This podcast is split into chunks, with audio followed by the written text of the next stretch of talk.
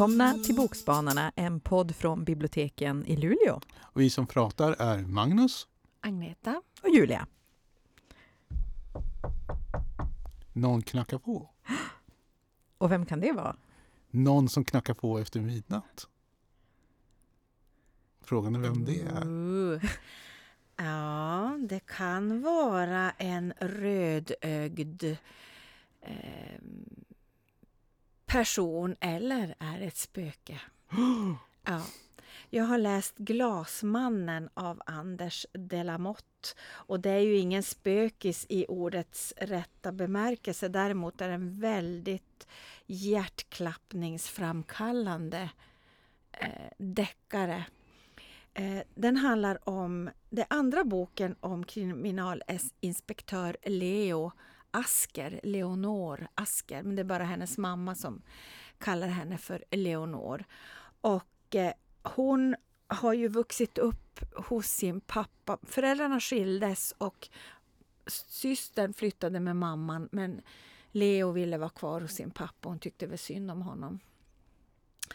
Och han var ju då en så kallad prepper. Prepper Per kallades han för, långt innan det började preppas.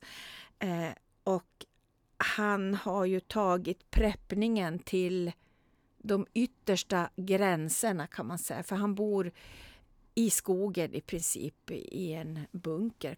Ja. Eh, helt plötsligt så tar hennes pappa kontakt. Hon har gjort allt för att eh, inte ha någon kontakt med honom för att han, ge, han suger så otroligt mycket energi av henne. Plus att, det, att deras vägar skildes åt eh, under en väldigt dramatisk händelse där han faktiskt försökte, hon tror att han faktiskt försökte ta livet av både sig och sin dotter. Eh, men i alla fall så tar han kontakt, han har problem. De har nämligen hittat en död man på hans gård och han blir ju naturligtvis misstänkt. Och Valeo hon har blivit, vad ska man säga, degraderad. Hon har blivit chef för en avdelning som de själva kallar för avdelningen för förlorade själar. De jobbar mycket med kalla fall och sånt där. Och det är sådana udda personer som de kan jobba men de kan inte jobba kanske lika snabbt som en vanlig utredare till exempel. Jag tror ju att jag har svårt att tro att det skulle finnas sådana här avdelningar idag. Förr fanns det ju, det fanns ju inom biblioteken till exempel, fanns det ju lite udda personer som jobbade, som gjorde ett jättebra jobb men inte så snabbt kanske. Men de finns det ju liksom ingen plats för idag tyvärr. Eh, vad som händer är i alla fall att eh, Per då tar kontakt och mot allt som hon tror på och mot sitt sunda förnuft så lovar hon att hon ska hjälpa honom. Men det gör hon ju då vid sidan om sitt ordinarie jobb. Eh, sen har hon då en vän, Martin Hill, som jobbar som universitetslärare och han har fått ett uppdrag i att skriva en bok om en känd företagsledare. Och eh, det är här det här otäcka kommer in. För att i första boken, eh, Bortbytaren, där handlar det om ett par Urban Explorers som försvinner. Och även här förekommer det Urban Explorers som försvinner. Men de här är ufo-jägare. Och det går rykten om att den här Gunnar då som mannen som Martin Hill ska skriva en bok om, han har sett ett ufo på ett väldigt speciellt ställe. Och han är övertygad om att eller var övertygad om att platsen där de har byggt sitt hus och där han såg det här ufot är ja, ett extra bra ställe för att locka till sig ufon. Och det börjar väldigt spännande med att de här två männen hur det går till när de försvinner. Eh, men sen så de här två utredningarna, han gifter ihop dem, han syr ihop dem på ett väldigt, mm. väldigt bra och spännande sätt. Och framsidan på boken föreställer en burk med en groda i. Och det är en sån här glasgroda där man kan, liksom kan se inuti, man kan se igenom huden på inälvorna och allt. Så ni kan googla på glasgroda. Eh, och den här grodan kan överleva. Alltså den överlever fast den egentligen är död. Och det handlar ju om sån här eh, kryoteknik också. Eh, för den här familjen som Martin befinner sig hos på deras gods och ska skriva om, han upptäcker ju att här finns det hemligheter. Djupt begravda hemligheter. Djupt begravda i dubbel bemärkelse för att det finns nämligen ett tunnelsystem under det här området där de bor på. Och ur den här tunneln kommer den här rödögda personen. Ja. Så att eh, väldigt spännande och väldigt spännande om det här med kryoteknik. Ni vet när man fryser ner sig för att långsamt sen tinas upp och kunna fortsätta leva. Glasmannen av Anders Delamotte. Oj, oj, oj. Mm. Och mitt i allt då denna, denna labila pappa Prepper-Per som kan hitta på precis vad som helst och som redan har räknat ut allt vad polisen kan göra och allt vad framförallt Leo Askers hatobjekt Jonas Hellman kan hitta på. Och han förekommer redan i första boken och han är egentligen jättekär i Leo Asker men hon har fått, de har haft ett förhållande men hon har fått nog av honom. Hon vill inte ha någonting med honom att göra. Så därför så gör han ju allt för att göra livet surt för henne. Mm.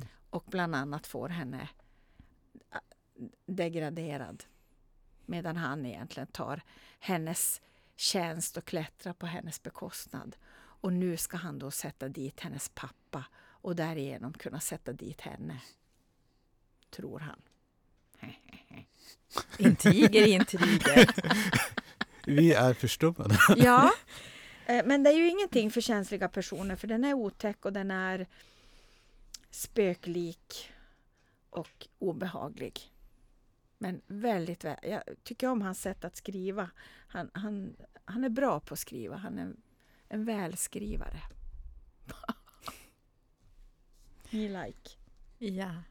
Men, Sen- Får jag bara säga en sak? ja. Bokförlaget Forum har ju, gjort, har ju en ny logga.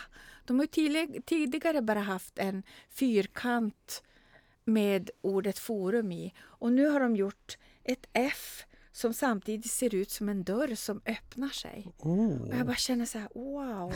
är Det det öppnar sig en dörr mot nya världar. Fast det är ju samtidigt ett stiliserat F. Mm. Mm. Ja. Like. Me like. Ska vi nu ta oss till sommaren 1985? Jag har ju läst Sommaren 1985 av John Avide Lindqvist. Eh, och jag har inte läst någonting eh, sen debuten Låt den rätta komma in. Och den kom ju 2004. Oj, Så det är nästan 20, Skamligt. det är nästan 20 år sedan jag har läst någonting av, av eh, den här författaren. Eh, och det, det är kanske lite skamligt för det här var, det här var ju riktigt bra. Han är riktigt bra. Jo. Du pratade ju om den här vänligheten en gång, Jo, vill jag minnas. Mm.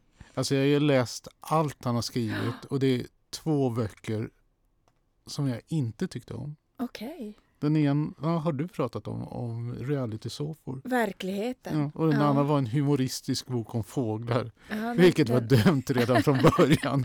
det är inte mitt. Nej. Absolut. Men då ska ni få se, för som jag förstått har ni ju Mm. den båda på att läsa-listan. Så då, Ja. då, hann, då hann jag först. Jag har Ja. pi- pile of shame. Ja, jag har den i en hög hemma. Mm. Så. Eh, och det här är ju en roman, det handlar ju om en sommar i svenska skärgården med inslag av mystik som alltid som när det är John Ajvide Lindqvist. 80-tals nostalgi, lite Vi på Saltkråkan fast med en ful sjöjungfru då inkastad. Mm. Då har vi liksom premissen för den här. Eh, det är ju sommaren, sommaren 85. Då var ju Live Aid-konserten på allas läppar. Liksom. Alla ville se, för alla stora artister på den tiden skulle ju uppträda. Eh, det var ju en välkon, välgörenhetskonsert som ägde rum lördag 13 juli 1985 och de samlade in pengar till svältkatastrofen i Etiopien. Och det var ju via satellit så var det över 400 miljoner tittare i över 60 länder. Så det var ju verkligen en sak som förenade över jorden. Det är jättemånga som har minnen av den här och det pratades mycket om den.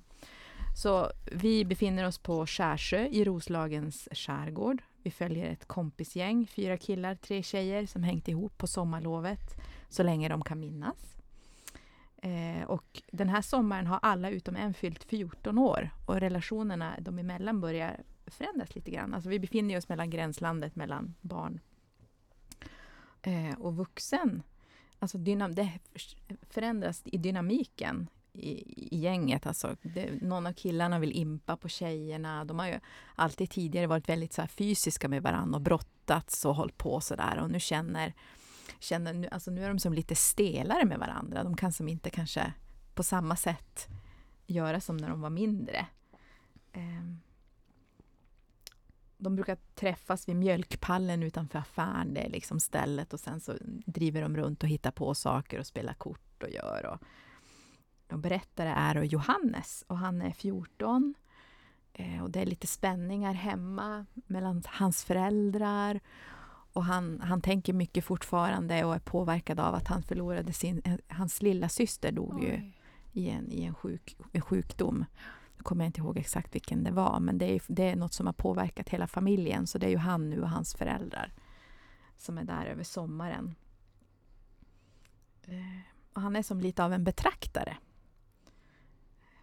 Så nu har vi ju sommar, de väntar på att alla ska komma dit med ångbåten. Du vet, de bara, åh, kommer nästa person med, med båten så de ska hitta på. Um, Och det känns som att, eh, ja, det är som sista sommaren känns det som på något sätt. Med gänget. För det, det är som, du vet, det känns som att de är på väg lite åt olika håll. Ehm. Men på något sätt kommer killarna på att de ska eh, bege sig ut till Svärtan och det är en sån här klippö som ligger ute. Det, en, en av dem har en, liksom en, en, en, farfar som pratar om att det har hänt liksom mystiska saker där och dit ska man inte bege sig utan det är som bara vassa klippor som sticker mm. upp i vattnet. Man kan inte ens lägga an där med båten utan det finns ingenting där, inga buskar, ingenting. Men de tänker liksom, en av dem får för sig att dra med de andra killarna att de ska, liksom, de ska dit och lägga an och klättra upp dit och titta vad som finns. Liksom på något sätt också vara liksom, åh vad manliga de är. Mm. Så då beger, beger de sig dit och klättrar upp under stor liksom, ansträngning, mm. verkligen. Det är ju risk att de trillar, trillar ner i, i plurret. Och sen när de kommer dit och upp, då upptäcker de att det finns som typ en, som på något sätt en strand inne där som man kan som ta sig en atoll nästan. Ja, och där ligger det någonting. Och de bara, vad är det där som ligger där nere? Så då tar en av killarna och klättrar ner och så visar det sig att det, det är liksom typ någon typ av fiskmänniska som är fastbunden mm. i ett rep till en sten. Så den ligger liksom och de tänker, är den död? Men de märker liksom att den, den, den, lever fortfarande fast den ligger där och håller på liksom att dö. Fastknuten i, i den här stenen här. Och de kan ju inte tro sina ögon. Alltså vad, vad är det här? Alltså är det, är det här en sjöjungfru? Vad är det för här? Och då får då Johannes, han tänker så här, men vi måste ju rädda den här. Och hur ska vi göra liksom? Och han övertygar de andra att de, men, men de, liksom en av dem säger, nej men titta på tänderna på den och han motviljar oss och han har jättevassa tänder och då tänker de att vi vill ju inte ha, tänk om den vaknar i båten och mördar oss allihopa. Eh, så de har stort liksom sjå, men på något sätt så får de med sig eh, åker runt liksom med båten och på något sätt kommer ur den här som grottöppningen och får med sig den här liksom på släp, den här fiskmänniskan eh, innan de ens vet vad de ska göra och varför mm. de känner att de måste ta med sig den. Men det slutar i alla fall med att en av killarna eh, har, de har någon sjöbod där det står en gammal jacuzzi som inte funkar något mer. Så med hjälp av en pump och hjälp av liksom hinkar så fyller de den där och får ändå att det kommer luft och så låser de in liksom den här fiskmänniskan i det här jacuzzin i den här sjöboden. Och det här håller de ju hemligt också för tjejerna, så det leder ju också till spänningar i gruppen för att de håller en hemlighet. Och vem, vad är det här? Liksom, varför var det här äh, djuret fastbundet vid stenen? Och hur ska de, hur ska de lyckas mata den? Och vad, vad är det som händer? Men, men Johannes han känner som på något sätt att han, han måste... Det är han som driver på och fis, alltså försöker fiska efter ab abborre, lägga nät för att mata den här och försöker prata med den, även om han li, liksom förstår att den kanske inte kan. Och, och, han blir skadad i handen. Och då börjar den här äh, sjunga. Så att, alltså han blir helt så här... Äh, känner att han vilken härlig, liksom, det är som en, typ som en sirensång. Och så när han kommer därifrån så ser han att såret på handen, det är borta. Det är helat. Um, så att det händer, det händer väldigt mycket på den här ön. Alltså det, det ligger också som ett lock också på, för tidigare under sommaren hade en en, en äldre tonåring som är äldre än dem drunknat med flytvästen på allting och ingen förstår hur det har gått till. Så det lägger också som ett lock på stämningen. Och sen börjar han på Johannes som, som vi förföljer, han, det är som att han skygglapparna tas av lite grann. Han ser att en av personernas i, i gängets eh, hus börjar bli förfallet som han inte har tänkt på förut. Han märker att en av tjejerna mår så här jätte, jätte mm. liksom dåligt. Att han, att han slutar kanske leva i sin egen lilla bubbla på ett sätt och börjar få upp ögonen runt och se om, omkring sig. Och så har vi den här liksom mystiska varelsen som de ska försöka, som han, han då vill på något sätt hjälpa, men kan de kommunicera med varandra? Gud, jag måste hem och läsa, sluta eh, prata. Så jag känner att jag ska sluta nu. Men alltså, jag, tyckte, jag tyckte att den var jättebra och just den här 80-tals, alltså nostalgin och mm. det här gränslandet och kompisrelationerna och eh, ja, läs tycker jag. Och sen tycker jag ju Alexander Jansson som har gjort framsidan, som gör framsidorna mm. på jo Jonna Ajvide Lindqvists böcker är ju, han är ju helt magisk. Han, han börjar ju med att illustrera barnböcker, de mm. här äh, Spöket i skolan och de här.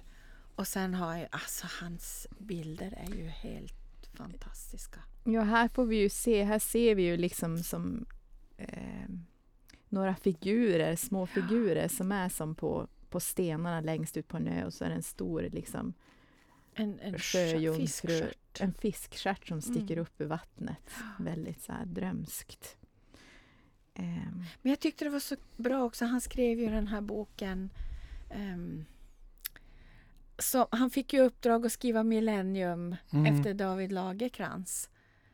Och så började han ju skriva den, men jag vet inte varför han inte fick slutföra den. Eh, det finns ju redovisat.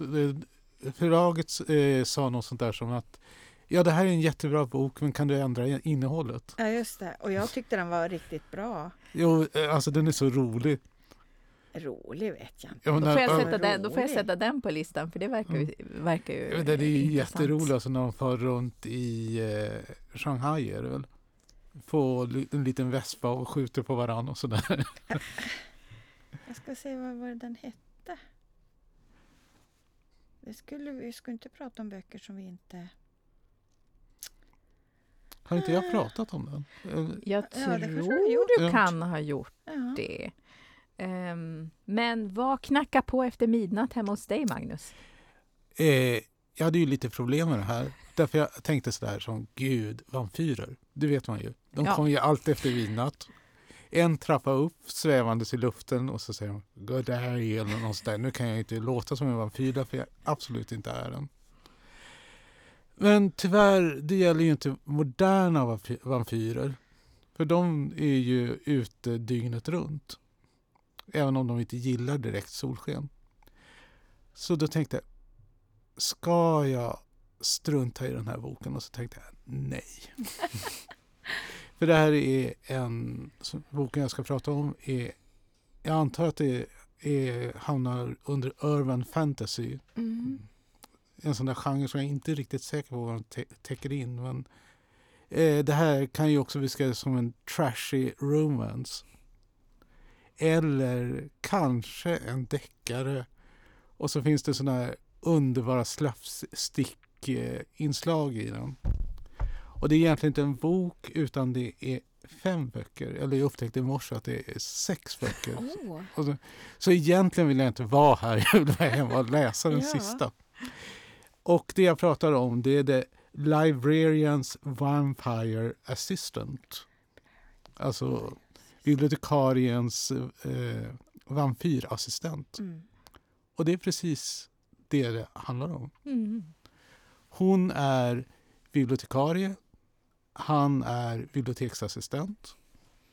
Han är vampyr. Hon Är inte det, eller? är inte det, men däremot så läser hon eh, The Fanged Love som är alltså en sån här fiktiv serie med eh, trashiga eh, eh, vampyrromansböcker. Och tillsammans ska de då rädda världen. Och dessutom så är de bibliofiler och avskyr när man sätter hundöron i böcker. Och jag måste säga, det är sällan jag haft så roligt. Alltså de här är vanebildande. Ja. Jag Alltså, skriver jag- upp det nu. Mm. Nu. Mm. Det är sådär så att jag börjar med den första och så tänker jag, nåja, jag gillar inte sådana här äh, kärleksromaner. Men det är ju inte det det handlar om. Jag har ju missförstått det. Alltså, kärleksromaner handlar inte om kärlek egentligen, utan det handlar om vägen till kärlek. Ja, För, för, så är egent, det ju. Mm. för egentligen när de blir tillsammans så tar ju historien slut. Så det gäller liksom, liksom att tämja ut det här från bok till bok. De får ju inte liksom bli tillsammans och de får ju inte bli lyckliga. Därför då finns det ju inte mer att berätta. Så det är liksom bara förvecklingar, det är kidnappningar, världen håller på att gå under och så är det lite sex. Och där får jag mitt andra problem. För jag är liksom sådär eh, att först så känner jag, nej men gud så fånigt. Alltså de, de vet ju inte vad, de håller bara på att gå i säng med varandra så är det över med. Och så gör de det och då börjar jag bli lite, men vad håller ni på med? det här vill inte, Det vill jag inte veta. Nej, precis. Och då inser jag att det är faktiskt fel på mig. Jag har aldrig ropat ut någons namn i extas under sex. Eh, så jag får väl träna lite grann så kanske jag kommer att ha lite lättare att ta till med de här böckerna. Jag tror det. Mm. Jag upptäckte också att sådana här böcker att de inte alls är bra för samlivet. Mm. För jag sitter och lyssnar på dem och så kommer min man då och så blir jag sådär Nej, det får du ta lite. Så jag tror att de har förstört mitt liv, eller vår relation. Så det är tur att det bara är fem av dem.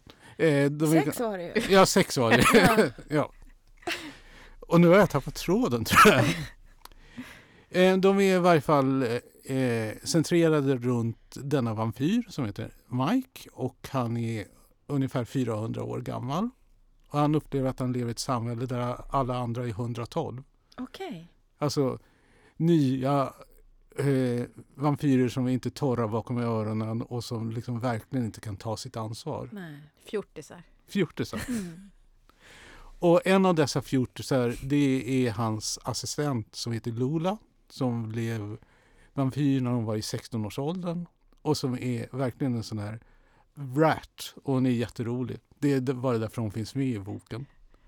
Att kunna dyka upp i såna här märkliga kreationer liksom i, som ofta innefattar eh, nätstrumpor och eh, fuskpälsar i märkliga färger och mönster. Plus att hon kallar honom Mikey Pooh Nej. Åh.